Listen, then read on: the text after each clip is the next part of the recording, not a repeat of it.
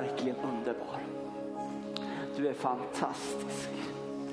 Helige Ande, tack att du är här. Tack för din närvaro. Halleluja. Tack Jesus, tack Jesus. Tack Jesus. Halleluja, halleluja.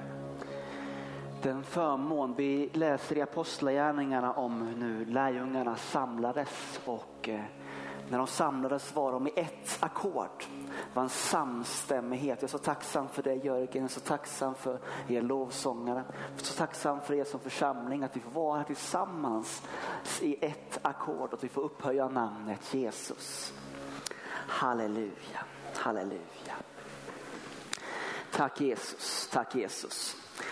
Hörni kära vänner, eh, det här är min bibel. Eh, jag hoppas att du har med dig din bibel, digitalt eller fysiskt i, i bokform. Ehm, eh, och kan inte bara säga efter mig allihopa så börjar vi den här söndagen med en liten härlig bekännelse. Så bara sätter vi fokuset på en gång. Är okej? Okay? Du som sitter där hemma, du kan hänga på också. Ehm, det här är min bibel. Jag är vad den säger att jag är. Och jag kan göra vad den säger att jag kan göra. Idag så kommer vi få höra från Bibeln. Mitt liv kommer bli förvandlat. Jag kommer aldrig någonsin att bli densamme igen. Amen.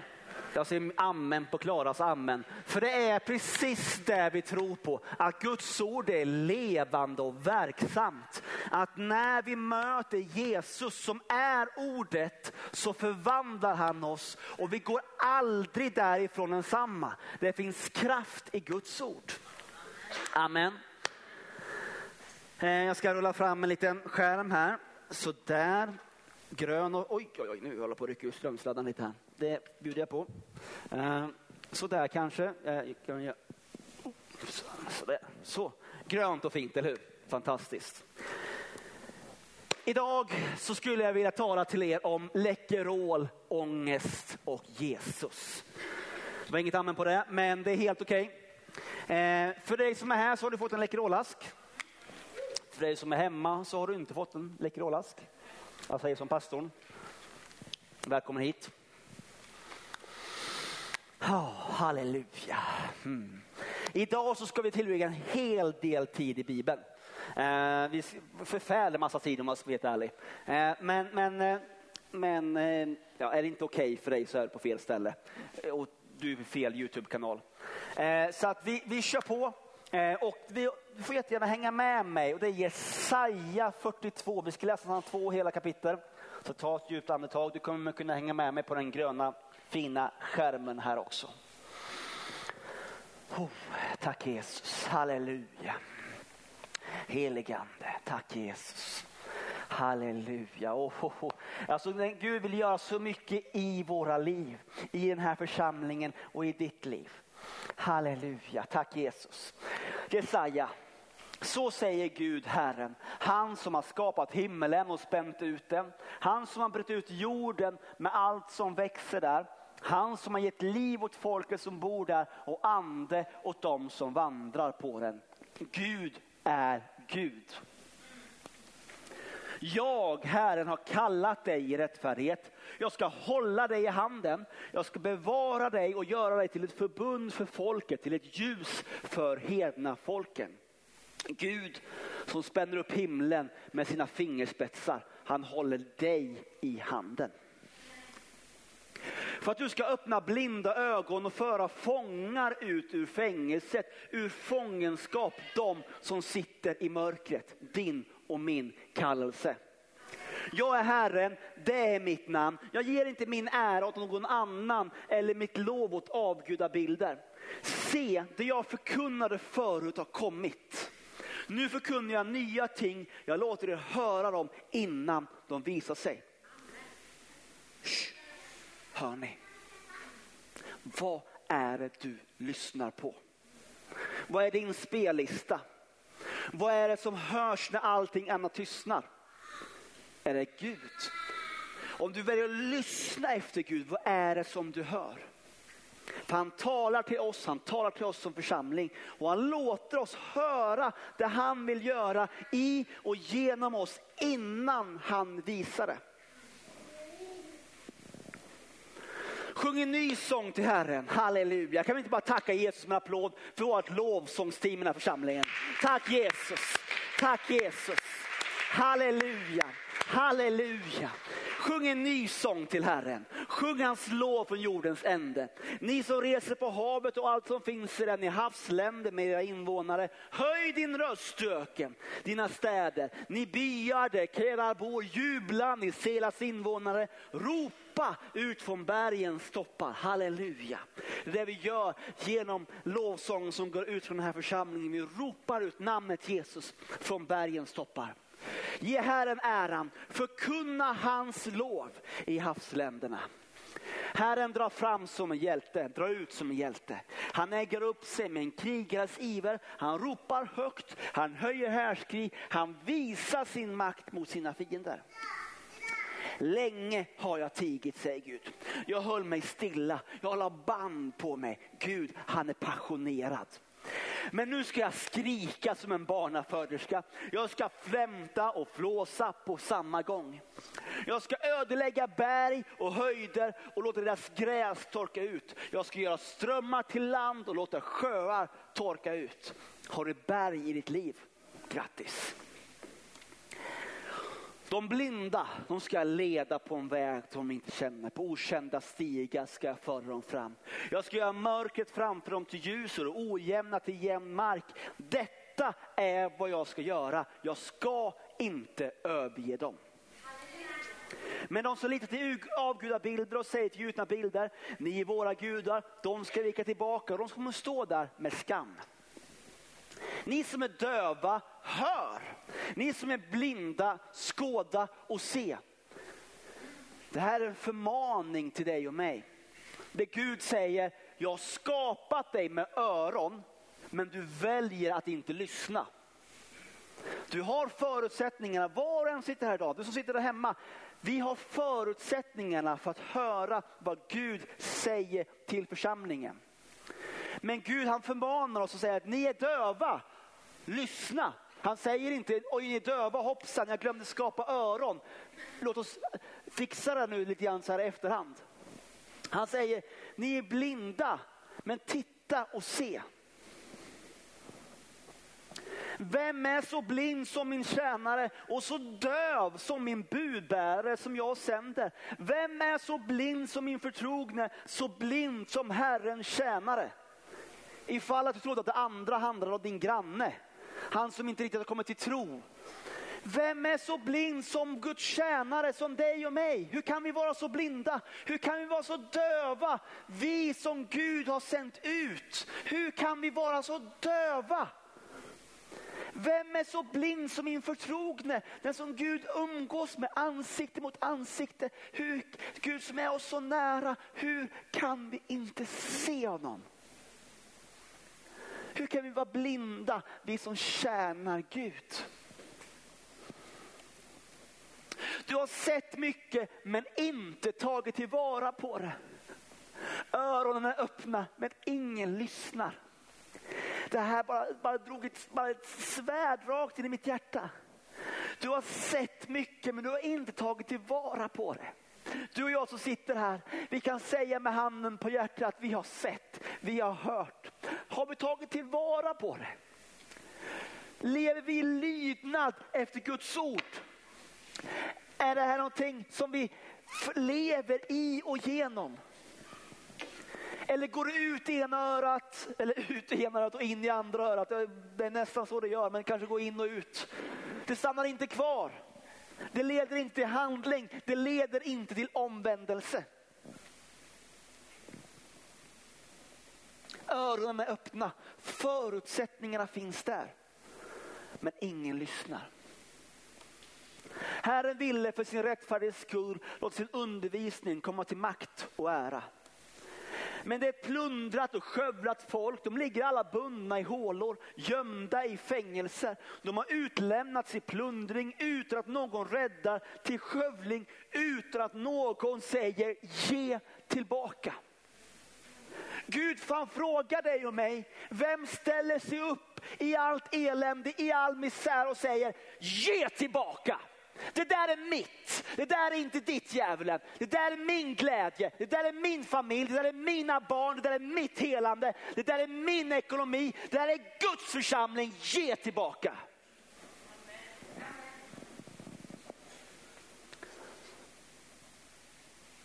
Det som är plundrat och skövlat, det som är fängelsehålor, det är där. Inte på grund av ondskan. Ja, ondskan har fört det dit.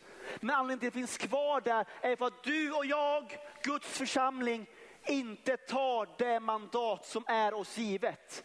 Det, de är fast i fängelsehålorna, de är inte i fängelsehålorna på grund av dig och mig, men de är fast i fängelsehålor, i bojor, i mörker. För att du och jag inte ställer oss upp och säger, ge tillbaka. Det där är mitt, det där är inte ditt. Vem bland er lyssnar på det här? Vem tar på vara på det och hör inför framtiden? Sjukt att det här är flera tusen år gammalt. Helt sicknick, som min kära svägerska skulle säga. Vem har lämnat Jakob till skövling och Israel plundrarna? Är det inte Herren som vi har syndat mot? De vill inte vandra på hans väg eller höra hans undervisning. Därför öste han sin brinnande vrede över dem, krigets raseri. De förbrändes av det runt omkring, men de besinnade det inte. De förtärdes av det, men tog det inte till sitt hjärta. Vi lever i en tid där vi verkligen kan på nära håll se krigets raseri. Men jag skulle vilja påstå att det här handlar om långt mer än Ukraina. Det som sker i din och min telefon, det som sker i, i det vi kallar det sociala, sociala medier och det livet som rasar där. Hur det förbränns runt omkring och hur vi inte inser det, hur vi inte besinnar det, hur det förtär oss men vi tar inte till vårt hjärta. Hur vi låter gift tränga in i våra liv och i det allra heligaste och vi vi ser det inte, vi besinnar inte. Det rasar runt omkring oss men vi skyddar oss inte ifrån det. Men nu säger Herren, han som har skapat dig Jakob, han som har format dig Israel. Var inte rädd för jag har återlöst dig. Jag har kallat dig vid namn, du är min. Gud han kallar dig vid namn. Han kallar inte dig vid kommun. Sävsjö kommun kom nu, vi älskar Sävsjö kommun. Vi tror på Småland, vi tror på Sävsjö. Men Gud han kallar dig vid namn. Han kallar dig vid namn. Halleluja. Halleluja. Om du går genom vatten så är jag med dig. Eller genom strömmar så ska de inte dränka dig. Om du går genom eld så ska du inte bli svedd och lågan ska inte bränna dig. Gud är med dig. Han går med dig där du går. För jag är Herren din Gud, Israels helige din frälsare. Jag ger Egypten till lösen för dig, Nubien och Seba i ditt ställe. Eftersom du är dyrbar i mina ögon, högt aktad och älskad av mig, ger jag människor i ditt ställe, folk istället för ditt liv. Du är dyrbar och älskad, högt aktad. Var inte rädd. Samma budskap som ängeln har till Maria. Var inte rädd för jag är med dig. Jag ska hämta dina barn från öster och samla dem från väster. Här är Guds löfte till dig och mig om att våra barn och våra barnbarn och deras barn och barnbarns barns barn. Gud ska samla dem. Halleluja. Han ska säga till länderna i norr, ge hit dem. Ge tillbaka. Till dem i söder, håll dem inte tillbaka. För hit mina söner från fjärran och mina döttrar från jordens ände. Det spelar ingen roll hur långt bort de är. Gud för dem tillbaka till sig. Var och en som uppkallar efter mitt namn och som jag har skapat till min ära, som jag har format och gjort. För ut det blinda folket som ändå har ögon och de döva som ändå har öron. Herregud tillbaka igen. Märkligt det där. Jag har skapat dem för att kunna höra men de hör inte. Jag har skapat dem för att se men de ser inte. Alla hedningarna kommer tillsammans. Folken samlas. Vem bland dem förkunnar detta? Och låt oss höra om det som har skett. Låt dem föra fram sina vittnen så de kan få rätt. Låt dem höras så de kan säga detta är sant. Ni är mina vittnen, säger Herren, min tjänare, som jag har utvalt för att ni ska känna mig och tro mig och förstå att jag är. Före mig så blev ingen Gud formad och efter mig så ska ingen komma. Jag är Herren, förutom mig så finns ingen frälsare. Som vi sjöng tidigare, vad vore jag utan dig? Ingenting. För jag är Herren, säger Gud. Förutom mig så finns det ingen frälsare. Det finns ingen räddning. Det är jag som förutsagt och frälst och förkunnat. Ingen främmande Gud bland er. Ni är mina vittnen, säger Herren, och jag är Gud. Ni är mina vittnen och jag är Gud. Som P har talat om här i, under hela våren och det som, som är rubriken för det här året, vittnesbörd och mirakler. Vi kallar kallade du och jag till att vittna, till att tala om det vi har sett och hört. Gud är Gud, han sköter, han sköter guderiet. Det behöver inte du vara orolig för. Gud är Gud, det är inte du. Han kommer aldrig lägga den arbetsbeskrivningen på dig. Däremot så är vi vittnen. Vi berättar om vad vi har sett och hört. Jag är, säger Gud, alltså jag älskar, jag skulle kunna stå här ja, tills imorgon och bara liksom, jag är. Alltså, det är så underbart. Alltså, Gud är, han är för dig. Du kan, och, alltså, jag vet inte vad du har för gudsbild, om Gud är lite fluffig och käck. så. Men det här är så sjukt kaxigt så att det är liksom, det här är Gud med solbriller. Det här är Gud liksom med Top Gun-brillorna på. Tja, Simon, så bara fälla ner dem. Jag är. Och sen så bara, bara kör han en mic drop och så bara går han. Det är liksom, det är, det är, det är jag är. Han, han, han liksom, vi sätter många attribut på honom, det är fantastiskt. Han är vår försörjare, han är vår helare, han är vår läkare. Han, han, men han är. Han är. Halleluja. Och tacksamma vi får vara att han inte, att han inte presenterar sig som Gud jag gör. Jag träffar en härlig, en härlig, en härlig man och, och, och samtalar titt som tätt och, och han, han, han, tycker om att reta mig lite grann. Eh, och, och, så brukar jag säga, men du Simon, säger han till mig så här. Vad var det nu Gud sa? Var det han presenterade sig? Jag, jag gör. Alltså jag vet inte hur det är med dig, men i, i mitt liv ibland så, så kan jag ha lite problem med, med att jag, jag gör saker. Jag, jag, jag har svårt att bara vara hos Gud. Och Gud själv han presenterar sig som att jag är. Alltså att vi kan vara. Och det finns något heligt i att vara. För Gud han är.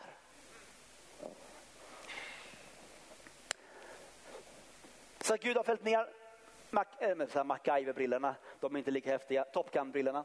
Eh, och sen så går han därifrån. Sen hör du liksom bara han ropar så här bakom axeln. När jag vill göra något vem kan då hindra det? Ibland så när vi längtar efter någonting, när vi står i tider och stunder av väntan, utav en, när, vi, när, vi, när vi lyssnar, vi hör, vi ser, vi, vi luktar, vi förnimmer det som ligger framför, men vi ser det inte nu. Det är väldigt lätt att vår längtan övergår i frustration. Det är väldigt lätt att vi kör en Abraham och, och jobbar själva, jobbar på eget bevåg och glömmer bort att Gud säger vad jag är. När jag vill göra det, vem kan hindra det? Varken djävulen och definitivt inte du. Och definitivt inte din fallerade bibelläsning eller din liksom, ditt liksom hackiga tungotal eller din, din dåliga lovsång. Eller när Gud vill göra någonting, vem kan hindra honom? Du och jag vi kan ställa oss till förfogande, du och jag vi kan vara, vara, vara, finnas i, i hans närhet, absolut. Men det finns ingenting som kan hindra Gud. Så säger Herren er åtlösare, Israels helige. För er skull sänder jag bud till Babel och bryter ner alla bommar. Halleluja. Kaldéernas jubel förvandlas till jämmer. Det som har jublat över det, det, det tragiska och jobbiga i ditt liv, det kommer vändas. De, de bommarna som, är, som håller de här städerna i ditt liv som varit ointagliga Gud sänder bud och bryter ner bommarna. För att han säger jag är Herren, er helige, Israels skapare, er kung. Han är personlig med dig och mig. Så säger Herren, han som gjorde en väg i havet, en stig i väldiga vatten. Strax så ska jag berätta en berättelse från mitt liv. Eh, om hur jag verkligen upplevde mig instängd. Och jag tror att, att många av oss sitter här idag som sitter hemma och tittar. Vi kan verkligen anknyta till det här.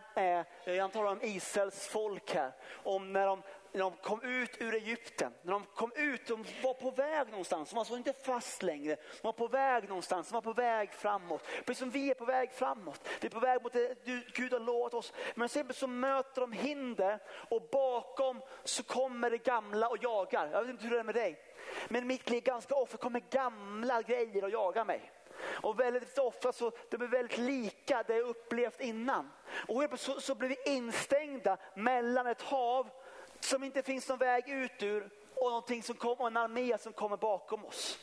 Och ångesten och paniken den bara byggs upp och det här liksom där, jag kan inte andas. Så säger Herren, han som gjorde en väg i havet, en stig i väldiga vatten. Han som förde ut vagnar och hästar dit, en mäktig krigsherre. Där blev de liggandes, de reser sig aldrig mer. De utplånades, de släcktes som en veke.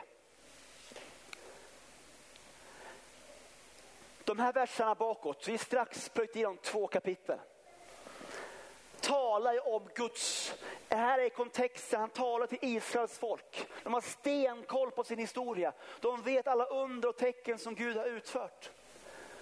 Och det är det han har gått igenom de senaste verserna. Glöm inte bort, jag är Gud, jag gör mirakel, jag har fört er ut i Egypten. Han påminner om alla de här sakerna. Och sen bara, tänk inte på det som har hänt. Bry er inte om det som var förr. Vad hände här? Hallå Gud, vad, nu, nu, nu blir det snurrigt. Och det här är en av din och min, våra största utmaningar.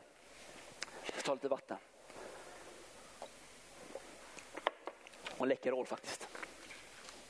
Ja, var inte blyg. Nej, ja.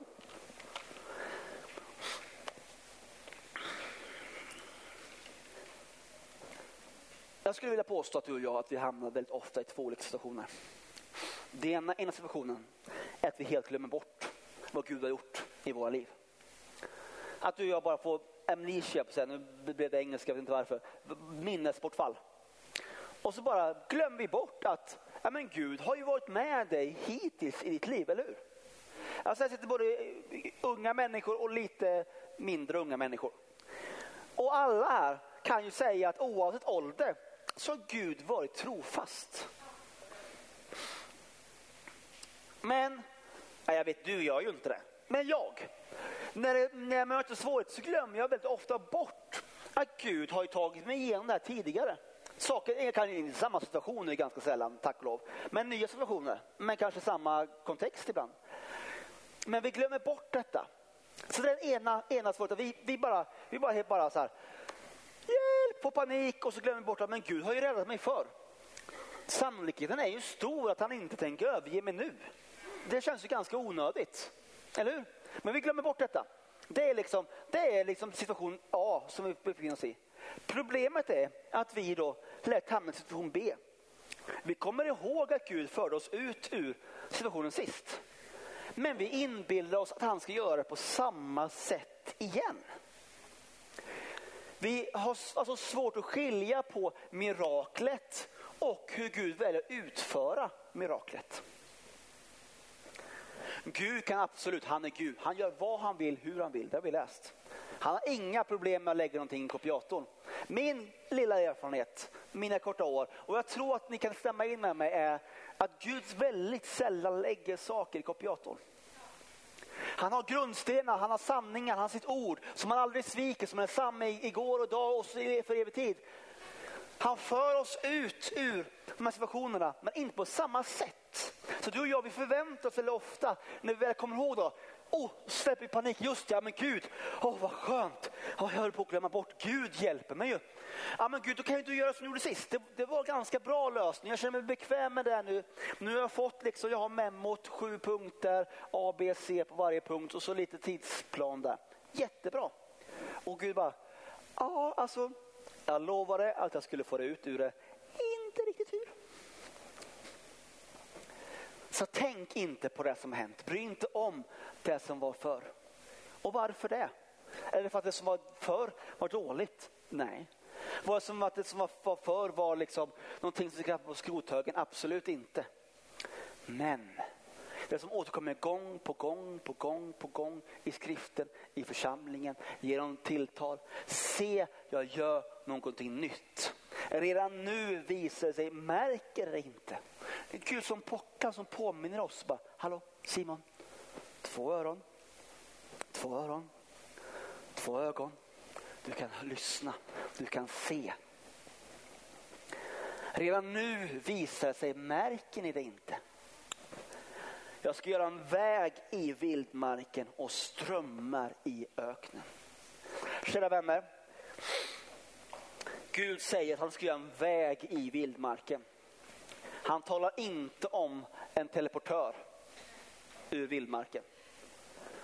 En väg är, den är, den är i, det blir väldigt, väldigt starkt här, väldigt djupt, väldigt teologiskt, jag vet. Vägen är i vildmarken. Den är inte utanför vildmarken. Den är i vildmarken. Men en väg, nu blir det, nu, nu blir det tungt. Skaka runt lite. Alltså, ta en Läkerol om det behövs. En väg, kära vänner. Den för dig framåt. Går inte en väg framåt så är det inte en väg. Då är det en parkeringsplats. Ja, så, starkt. Jag gör en väg i vildmarken. Alltså en bana framåt där du och jag kan gå. Och strömmar i öknen. Vägen den för oss framåt. Strömmarna försörjer oss. Ger oss det vi behöver när vi behöver det.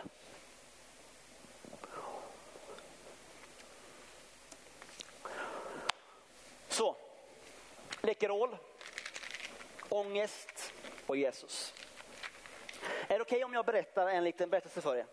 Ingen saga utan, utan eh, någonting som är helt sant faktiskt. Eh, vi pratade om, det innan att vi, vi kan egentligen bara berätta om det Gud har gjort i våra liv. Eh, man läcker roll fastnat i min tand. Så. Eh,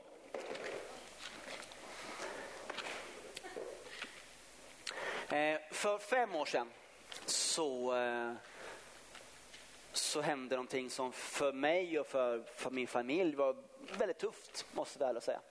Eh, jag är företagare. Vi hade en, en, en elektronikbutik som jag, jag, jag, tog över efter en här i församlingen som jag drev vidare i, i många år. Men sen för fem år sedan så, så gick det inte längre. Vi började kolla på siffrorna och insåg att vi går back. Något så sjukt vad vi går back. Det hade vi gjort innan. Och Gud hade löst det här innan. Eh, men för fem år sedan så, så runt julen där så, så liksom, det här känns inte bra. Men Gud, han har gjort det här förut. Först så bara skit också, det här går åt skogen. Sen bara, just det, Gud han har hjälpt mig förr. Så vi börjar under församlingens bön och fasta i januari. Så står jag och min fru tillsammans, min familj tillsammans. Eh, vi står, vi står i tro tillsammans för att Gud han ska göra allt det han alltid har gjort för oss. För oss ut ur det här och, och rädda oss under, under den här konkursen som hängde över oss. Jag vet inte vad du associerar med konkurs men jag associerar liksom, det är ett offentligt misslyckande. Alltså vi kan ju misslyckas och jag tror ingen av oss gillar att misslyckas. En konkurs är ett offentligt misslyckande. Det, är liksom, det går åt skogen och alla tittar på. Det är liksom typ ett dåligt, så här, vet du, en dålig så här dokusåpa. Liksom. Ingen vet varför den görs och ingen vet varför de tittar. Men det är, liksom, det är, liksom, det är, det är, det är en konkurs. Eh, men vi, vi, bör, vi, bör, vi kastar oss på Gud, vi ber, vi fastar. Vi är helt övertygade om, jag och Julia, att Gud han ska ta oss ut ur det här. För någonstans upplever vi ändå att Gud liksom har, kanske inte kallat oss till att vara företagare, för det tycker jag är att ta i. Men, men vi upplever i alla fall att Gud, att han för den här tiden har liksom gett oss det här som ett verktyg. Och, och, och vi förstår liksom inte riktigt var, varför det här händer, för vi, liksom, vi upplever att vi har gjort det rätt. Och med det sagt så vill jag bara säga så här. Jag gjorde 10 rätt och 100 fel. Men, men när det här hände så, så under januari så slår en sån ångest, en sån fruktansvärd ångest slår mig. Eh. Och anledningen till att jag kanske inte har pratat här om så mycket tidigare är att det här fortfarande är liksom, det här är verkligt för mig. Det är fem år sedan, ett tag sedan, men det är fortfarande väldigt verkligt för mig. Jag vaknar upp varje morgon och jag kan inte andas. Jag känner liksom hur någonting sitter på mitt bröst, någonting som bara tar ett strypgrepp om mig. Och jag känner, jag får inte luft. Jag känner mig så misslyckad. Eh, jag har anställda som försörjer sina familjer genom, genom mitt företag och jag känner mig så fruktansvärt misslyckad. Jag, jag känner som så fort jag går på stan så känner jag som alla tittar på mig. Det var liksom ingen som tittade på mig. Men min upplevelse, kanske var folk som tittade på mig, jag vet inte, det skiter jag i om jag ska vara ärlig. Men det jag upplever är hur folk tittar på mig, hur folk dömer mig. Och framförallt så dömer jag mig själv hårdast. Och, och, i det här så vi, vi ropar till Gud, Gud hjälp oss, Gud hjälp oss, ta oss ut, det finns en väg ut, visa oss Gud, det finns en väg. Du är god Gud, du är god, ta oss ut detta, rädda oss, för oss framåt, för oss utåt. Dagarna går och eh, i den här processen, mitt i ångesten, så talar Gud. Han tar inte bort ångesten, jag måste vara helt ärlig. Det sker faktiskt inget mirakel där och då just när det gäller ångesten. Utan jag, många, de flesta månaderna i januari under bön och fastan, så enda sättet som jag kommer upp på morgonen är att jag sätter på mina hörlurar och så drar på Spotify, drar på liksom en, en, en låt. Det är en, en pastor i USA som bara typ står och skriker i fyra minuter.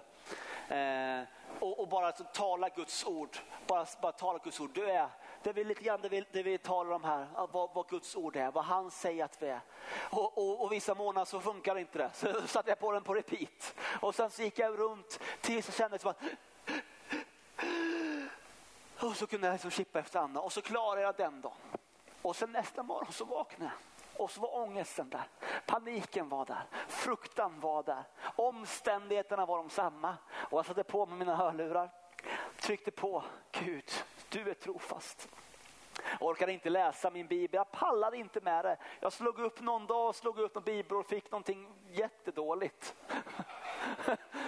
Er bibel kanske alltid ger liksom pangverser så, men, men det, min är kanske något effekt, jag vet inte.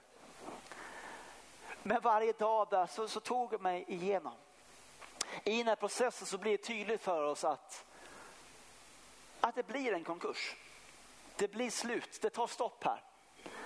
Eh, och, och advokater blir inblandade och möten med det ena, med det tredje, med det fjärde. Eh, lång historia kort så helt plötsligt står jag utan, utan någon lön. Eh, det är så fantastiskt i Sverige att mina anställda, då, då går staten in och, och, faktiskt betalar lön för dem i en konkurs, vilket jag är bara så tacksam till Gud för. Men på det personliga planet förändras allt min berättelse. Och återigen, 10 rätt, 100 fel. Det finns väldigt många nyanser i den här berättelsen. Men jag berättar en liten kort version av det här. Så innebär det här för mig att jag står utan, utan lön, utan försörjning. Och med, utan att överdriva, rejäla skulder. Ehm. Och den här berättelsen tänker jag berätta lite bakvägen tills vi kommer fram till den här Läkerol-asken. Så häng med mig. Till saken hör att när vi, vi går i konkurs då, eh, och jag står utan, utan lön. Sista lönen fick jag i december och vi är nu i slutet på januari. Så, så att, att vi som familj har vi bestämt att, att, eh, att julen jobbar deltid för att kunna vara hemma mer med barnen. Eh, och vi lever på min lön som inte var mycket att hänga i julgran, ska vi veta eller säga. Men, men vi liksom, det, det funkar och det som så många av oss gör. Vi väljer att, att, att, att lägga mer tid med familjen och det är fantastiskt, det är beundransvärt. Eh, men, men så vi har inte det fett. Men sommaren innan det här händer så manar Gud på vårt hjärta, mitt i Julias hjärta. Han utmanar oss på att ge bort allting vi äger, alla pengar vi har. Eh, och det här tar ganska lång tid. Gör det. Eh, för jag vet inte hur det är med dig, men, men eh, det är inte alltid man bara plock, tar de orden Gud säger på volley och gör. Utan vi håller på att kämpa med detta, så det tar tre månader så att vi, vi är inne en bit i hösten innan vi lyder Gud. Eh, och tömmer våra konton. Och nu pratar vi alltså inte, jag tömmer in, alltså, nu så vi småbarnsföräldrar här så vi pratar liksom inga, inga liksom, får ta det sansat här, det är liksom inga fantasibelopp vi pratar om här. Men vi tömmer våra konton, det vi hade. Och inte nu så här, inte nu så här liksom vårt liksom löpande utan det var tomt.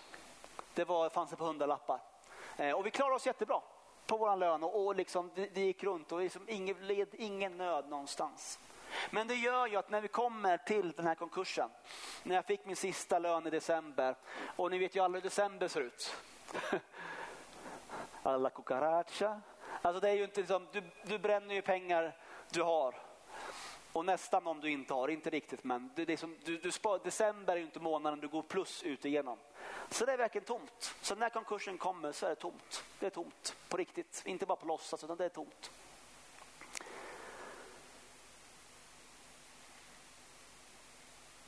Vet ni vad? De här tre månaderna som följer efter konkursen så har vi aldrig haft så mycket pengar. Vet ni var det, vet var det, var det började någonstans? Strax efter konkursen, så, jag vet inte om du minns det Sara? Så kommer Sara fram efter ett söndagsmöte och fått nys om detta och så eh, pratar hon med Julia. Och så ger hon Julia ett par hundralappar och ursäktar sig för att det inte är så mycket men det är det du har på dig. Och så säger hon att det här, jag tror att det här ska få vara någonting profetiskt. Att Gud ska försörja er genom det. Sara har ingen koll på vad vi har eller inte har. De, de hundralapparna där, det var det som gjorde att vi kunde fika den söndagen. Och det som gjorde att vi kunde köpa lunch den dagen.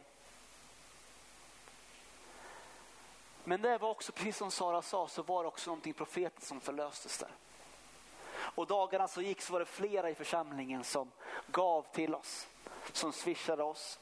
Och helt plötsligt, eh, eh, någon vecka in, så dimper det ner för oss ett bara jättebelopp på bankkontot och vi blir så chockade så jag ringer till banken och så här, man har ju läst ut om så här, så här liksom, Försäkringskassan betalar ut felaktiga belopp och du blir återbetalningsskyldig och liksom, du vet eländes elände. Liksom. Och så börjar jag utreda detta och det visar nej, det är någon som har fört över de här pengarna till oss. Och vi klarade den månaden. Vi kunde betala våra räkningar, vi kunde betala, vi kunde, vi kunde mat, allting bara löses fantastiskt. En, eh, en månad senare så ringer telefonen och, eh, och det är socialen här i Sävsjö och, det finns ett litet barn som precis har blivit fött och de har, hittar ingen som kan hjälpa den här lilla tösen. Eh, och, och ett par timmar efter vi får telefonsamtalet så står jag hemma med ett nyfött barn i famnen. Och under två månaders tid så får vi ta hand om den här fantastiska tjejen hemma. Och, och, eh, på något sätt, och, och och det blir vårt uppehälle. Eh, för socialen går in och betalar, det är så det funkar. Det blir vårt uppehälle. Men framför allt så blir det Gud som kommer in mitt i, mitt i min ångest, mitt i liksom allt det som, gör, som är så tufft och som är så, så, så bara säger han, Simon, Simon, du behöver se, du behöver höra. Och helt plötsligt fick jag se någonting annat någonting annat, ett, ett liv som, var, som, som, som inte hade några förutsättningar. Och plötsligt fick jag engagera mig i en situation som var hundra gånger värre än den jag var i. För jag tyckte att jag hade den värsta situationen i hela världen, jag ska erkänna. Ni andra ni kanske hade skitiga liv. Det var ingenting mot min situation. Den var värst och fruktansvärdast av alla någonsin ever. Så du aldrig känt, jag vet det, men jag gjorde det. Men helt plötsligt kom det in en, en, en, en person i våra liv som förändrade, och flyttade fokus och tog också hand om försörjningen. När vi fick lämna oss ifrån oss det här, det här fantastiska livet efter två månader så, så, så var, hade Gud gjort, förändrat någonting. Och helt plötsligt kunde vi fortsätta med företaget men på ett helt annat sätt, på ett helt nytt sätt som vi aldrig hade trott eller tänkt. Eh, och fortsätta, ja, så, så har jag förmånen att kunna försörja mig på mitt företag. Men nu har vi pratat lite grann om ångesten ganska mycket om Jesus, men ingenting om Läkerol. Så vad i hela världen har Läkerol med den här historien att göra? Och med Läkerolen den har, för mig, Läkerol är väldigt tätt förknippad med min pappa, Peter. Han eh, hade väldigt ofta Läkerol med sig till mötena när vi var små. Vi satt i, i, i bänkraderna. Eh, och, och så många av er som är runt min, min ålder så, så, så är vi uppvuxna liksom under stolsraderna på mötena. Liksom.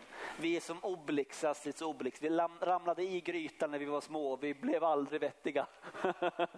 liksom, no need liksom. Romare. det är liksom det, det är liksom trosrörelsen i ett nötskal. Liksom. Så här, omöjligt. Och så, alla springer och gömmer sig. Så kommer så romare. Och så springer vi framåt och så liksom kör vi på. Det är liksom, jag tycker det är fantastiskt. Men där under storslagen så hade pappa alltid en, väldigt ofta en Läkerolask. Men eh, det här var, inte bara till, eh, till liksom pappa och han, han bjöd oss barn och de, de satt runt omkring på bänkraden. De var nog aldrig full när ett möte var slut. Då var den, de var oftast tom och vi barn hade diarré. Eh, men eh, pappa använder också de här askarna. Han väldigt många år så var han mötesvärd här till exempel. Och alltid, jag vet inte om du har varit mötesvärd. Nu, nu har vi välkomstteam och sånt. Vi jobbar inte så här old school grejer, men back in the days. När vi hade mötesvärdar. De satt på höger och vänster sida här med en skylt på bröstet med en pondus utav Guds nåde. Så var det så att mötesvärden hade hand och plockade fram glas och, och, och, och lite dricka till talaren. Så gjorde pappa alltid så att han, när han var mötesvärd så la han alltid en Läkerolask. Han gick alltid till Konsum innan och så köpte han en Läkerolask för sina pengar. Och så la han alltid en Läkerolask framme vid talaren. Jag såg alltid detta. Och Vet ni vad ett sakrament är? Nu ska vi bli lite djupare teologiska. Ett sakramente är en helig handling. Nattvarden det är ett sakrament till exempel. Alltså det är alltså att vi tror att Gud kommer och möter oss i en handling. Vi behöver inte bli rädda eller oroliga. Jag vet att vi är liksom shigabahaya. Men Bibeln är väldigt tydlig med att tro utan gärningar är död. Alltså det vill säga att, att, att Gud kopplar samman det heliga med någonting som är vardagligt och alldagligt. För mig, jag vet inte, jag har inte frågat pappa faktiskt. Eh, jag får prata med honom efter detta. Han är ofrivilligt exempel idag. Så blev det här någon sorts sakramente. Förstå mig rätt. Läkerolen är inte helig. Varken jag eller min far tror det. Så vi liksom, snälla låt mig slippa de samtalen efter den här predikan. Men någonstans så kopplade pappa sin tro till att ja, men den människan som ska tala idag, Gud har lagt någonting på hans hjärta. Jag har inte så mycket, för pappa kanske inte alltid haft supermycket. Men han tog av det han hade och så gick han och köpte en Läkerolask. Och så la han den, varje gång han var mötesvärd så la han den hos talaren.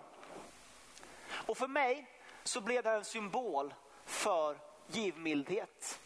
Det blev en symbol för förväntan.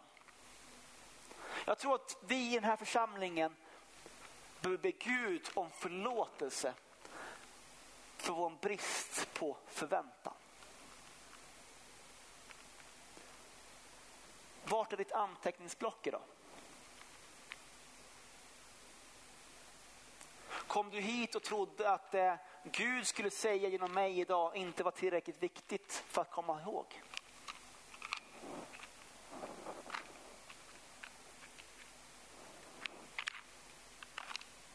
Det gör ingenting. Det är därför jag har med mig mitt anteckningsblock. Inte för att jag är så duktig på att anteckna, men för det hjälper mig att komma ihåg att jag är här med förväntan. Oavsett vem som predikar, hur de predikar, så har jag bestämt mig för att förvänta mig. Man kan komma ihåg en predikan på många sätt. Jag känner att det är lite tungt. Det här spelas ju in. Ni har ju ett fantastiskt minne. Så det handlar trots allt inte om varken om anteckningsboken eller om Läkerolasken. Men anledningen till att du fick en Läkerolask när du kom in här då, det är att jag tror att du och jag vi behöver skapa små heliga vanor i vårt liv. För den här vanan skulle jag vilja påstå, det var det som la grunden till att jag vågade ta, till att jag tog steget den sommaren och gav det jag hade på mitt konto. För jag är också övertygad om att det var förberedelsen till att Gud kunde förlösa sina välsignelser över mitt liv i den situationen. Jag är helt övertygad om att det var, den, var så den kedjan och det fanns hundra andra milstolpar där. Men det började med en Läkerolask som inte ens var min, utan som var min fars. För de sakerna som du och jag gör, små saker, heliga saker, de påverkar inte bara oss själva, de påverkar en generation som kommer efter oss. Som ser oss och som tar följe. Följ mig så som jag följer Kristus. Det borde vara ditt och mitt motto. Frimodigt säga det till de människorna runt omkring oss. Skyll inte på Jesus, skyll inte på pastorn. Säg följ mig. Jag är helt och hållet trasig, skadad, knäpp. Men jag älskar Jesus. Följ mig så som jag följer Jesus. Följ mig, inte för att jag är perfekt. Utan följ mig för att jag följer Jesus. Och så skapar vi lärjungar. Så Gud, han försörjde oss mitt i allt detta. Allting började med Läkerolask. Som du får ta med dig hem idag. Och eftersom att du inte hade någon anteckningsbok så har jag bett, för det visste jag ju.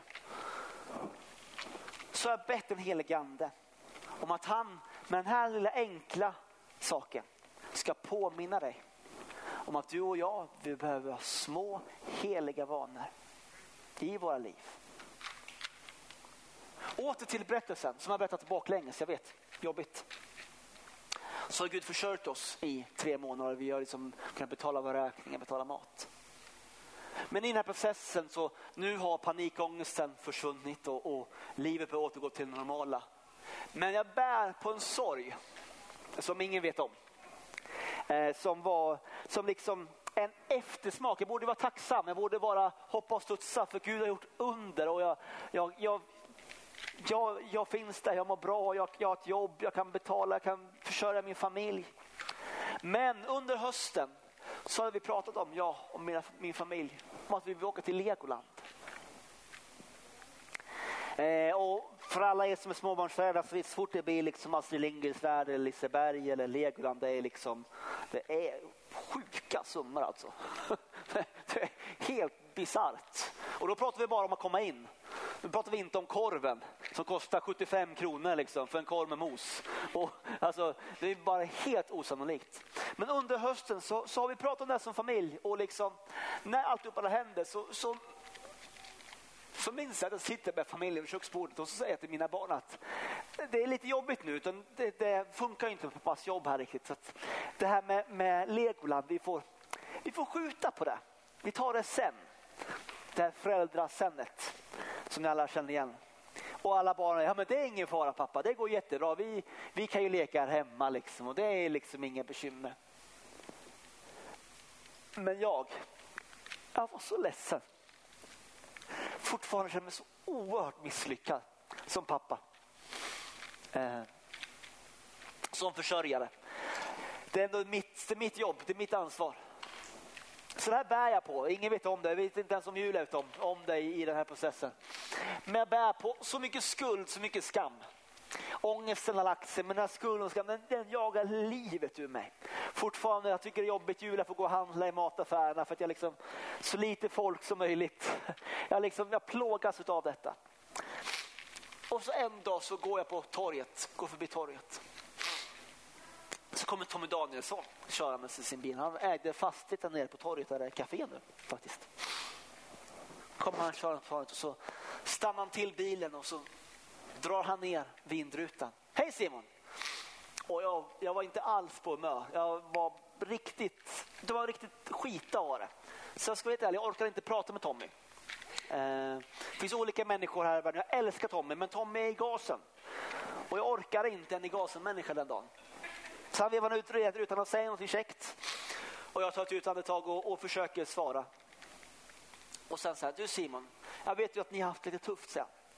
Ja, men, det, men Gud är god. Men så, det är så vi säger. Säger han så här alltså jag och Maria vi pratade, vi tänkte vi, vi skulle vilja skicka iväg er på spa så ni kan vila upp er lite. Ja, var snällt. Det var verkligen gulligt så. Och sen så tar han en paus. sen så, jag vet inte, jag kan inte släppa det här. Så jag har i flera veckors tid här. Så har Gud manat mig att skicka er till Legoland. och jag står där på torget och ni ser jag har svårt att hålla tillbaka tårarna här men alltså det blev lille skutt. och Tommy fattar inte ett skit. Utan det är liksom, det är liksom, det blir biltvätt där liksom. Det är bara ah! Och då så helade Gud mitt hjärta. För mitt allt det här så var det trots allt inte, det var inte min ekonomi som var trasig. Det var mitt hjärta som hade gått sönder. Och där och då så helade Gud mitt hjärta. Och Gud under, under veckorna som låg framför så talade han till mig och sa Simon, det är jag som är din försörjare. Det är jag som försörjer dig, det är jag som försörjer dina barn. Det är inte du, det är inte dina ansträngningar, det är inte dina gärningar, det är jag som är din försörjare. Sen på veckor senare, i mitten på våren där någonstans, så åker vi hela familjen till Legoland. Och vi åker inte, vi åker inte riktigt tält utan Tommy, för det är ju så att precis som att vi behöver tablettaskar som kontakt mellan det heliga och naturliga så är det också människor, du och jag, som är Guds redskap för mirakel. Gud gör hur han vill, vad han vill. Man älskar att jobba med dig och mig. Så Tommy, han gör det som du och jag alltid ska göra. Han betalar inte en campingplats. Han kör all inclusive. Det är, det är Ninjago-stuga med extra allt. Det är, vad heter badlandet? Lalandia på vägen hem. Det är flera dagar på Legoland. Det är alltihopa. Och vi, åker, och vi har så fantastiskt kul. Det är helt, vi bara njuter utav, jag speciellt, jag älskar lego, men mina barn fick hänga med också. Och tillsammans som familj så fick vi någonting fantastiskt.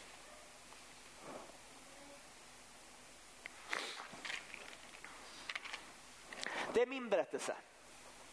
Återigen, jag gjorde kanske 10 rätt, 100 fel i den här processen. Det finns många vinklar, många sidoberättelser på den här. Men för mig så blev det här Guds, om, visade verkligen sin omsorg mitt i det här. Och jag tror att det här vill också utmana dig och mig idag. Kanske på ekonomins område. Kanske håller du och jag, vi håller kanske lite för hårt i det som vi tror är vårt.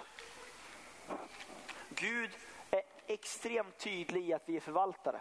Att det du jag har, det vi fått för att förvalta, det är hans. Han ger oss en sweet deal och säger så här att okej, okay, du får allt. Om du ger tillbaka 10% till mig så lovar jag välsigna det jag har gett dig. Och sen däremellan så utmanar han oss, han stretchar oss. Han, ibland ber han oss att ta galna steg. Ibland så utmanar man oss att ta små steg. Men Gud han utmanar oss aldrig, alltid. Det är också viktigt, eftersom att det är min berättelse och eftersom att Gud säger, vad säger han här? Ni ska se. Läkerol, ångest och Jesus. Predikotiteln du inte trodde du skulle höra. Se, jag gör något nytt. Redan nu visar det sig. Så fort vi får höra berättelser, så fort vi får höra det vi i kyrkan kallar för vittnesbörd. Men så fort vi får höra berättelser om vad Gud gör i våra liv så handlar det inte om att du ska göra samma sak eller att Gud kommer hjälpa dig ur din situation på samma sätt. Men den påminner oss om att Gud är Gud. Och att när han bestämmer sig för någonting så finns det ingenting som kan hindra honom. Och Guds löfte, att han gör en väg i vildmarken. Det var precis det som jag fick uppleva i den här situationen. Han tog mig inte ur vildmarken, men gjorde en väg igenom vildmarken. Och han försörjde mig mitt i öknen. Idag så skulle jag vilja vara frimodig, vilja vara frimodig. Det var ett konstigt svenska men jag vill vara frimodig idag. Och jag är helt övertygad om att Gud vill befria människor från ångest här idag. Vi ska be tillsammans. Du får jättegärna komma upp och hjälpa mig Jonathan. Eh, och, eh, Jesus i Lukas evangeliet så, så ger han liksom en liten, lika bra vi läser det. Eh, oh. Ska vi se, kan det vara Lukas, Lukas 4, 8 kanske? Nej. Nej, men nästan. Eh, 4.18. Det var ändå helt okej. Tack Jesus. Lukas 4.18 står det så här. Att Herrens ande över mig, för han har smort mig till att förkunna glädjens budskap för de fattiga. Han har sänt mig till att utropa frihet från fångna, syn från blinda och att ge de förtryckta frihet och förkunna ett nådens år från Herren. Det här är Jesus när han ger sin arbetsbeskrivning. Det är det han kom till den här jorden för att göra. Så vi ska bara vi ska lovsjunga tillsammans, avsluta det här. Och så ska vi bara ta, och så vill jag bara tala ut namnet Jesus över dig. Du kan, du kan sitta eller stå, det är helt valfritt. Men vet, jag bara, jag, alltså, den här tar du med dig hem. Det här är en vana, det här är någonting som du får fundera på i veckan. Men vet du vad? Allt är inte antingen eller. Gud, han är miraklernas Gud. Och du kanske har brottats med ångest, kanske brottats med depression, psykisk ohälsa. Och vet du vad? Jesus, han är här. Halleluja. Ska vi be tillsammans? Tack Jesus. Jesus, ditt namn är över alla andra namn. Och i det namnet, i ditt namn Jesus, så måste varje knä böja sig i himmel och på jord. Halleluja. Tack Jesus. Jesus, Jesus, halleluja. Halleluja, tack Jesus. Jag talar ut Jesus över ångest i Jesu namn. Jag talar Jesus över depression. Namnet Jesus över psykisk ohälsa. Jag talar ut namnet Jesus över ekonomiska situationer. Jag talar ut namnet Jesus över sjukdom. Jag tar ut namnet Jesus över allting som vill resa sig upp i ditt liv. Jag talar ut namnet Jesus. I Jesu namn så talar jag under och tecken och mirakler. Jag talar frihet för de fångna, syn för de blinda. Tack Jesus att i ditt namn så finns allting vad vi behöver. Det finns kraft, det finns liv, det finns styrka och det finns hälsa. Halleluja.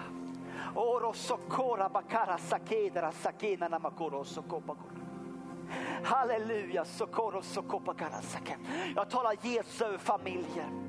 Jag talar Jesus över söner och över döttrar som har vänt dig i ryggen. Jag talar Jesus över barn.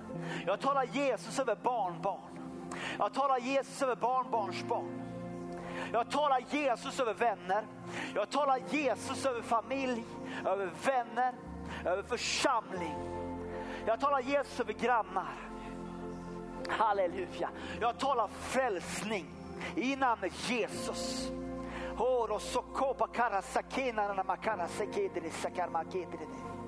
Halleluja. Heligande, kom och gör det ingen människa kan göra. Befria, hela, öppna våra öron så vi hör dig. Öppna våra ögon så att vi ser dig, helig ande. Helig ande. När vi upphöjer dig Jesus så säger du helig ande att du är här. Och du är mirakelgöraren Jesus. Du gör detsamma, du är densamme igår, idag och för evig tid. Du älskar att göra under. Du älskar att göra olika under. Vi läser om de under som du gör. Konsekvensen är densamma. Helande, befrielse, glädje och frihet. Tillvägagångssättet vitt skilt. Så helige Ande, du har fria händer. Hela oss idag. Om det är via lekrolasken som vi äter eller via handen som en granne lägger på oss. Hela oss. Befria oss. Tack heligande för det du gör här mitt ibland oss. Tack Jesus för ditt namn som är över alla andra namn. Jesu namn. Amen. Nu fortsätter vi och så lovsjunger vi tillsammans och så lyfter vi upp namnet Jesus. När vi gör det så förväntar vi oss att en helig ande verkar i och genom oss. Så tar du emot ifrån Gud för det du har i ditt liv, för befrielse, för helande, för frälsning. Och så är du frimodig och upplever att det är någon annan som, som du ska lägga dina händer på och be för. Då är du frimodig. Det är det vi gör i kyrkan, vi ber för varandra. Amen. Tack Jesus.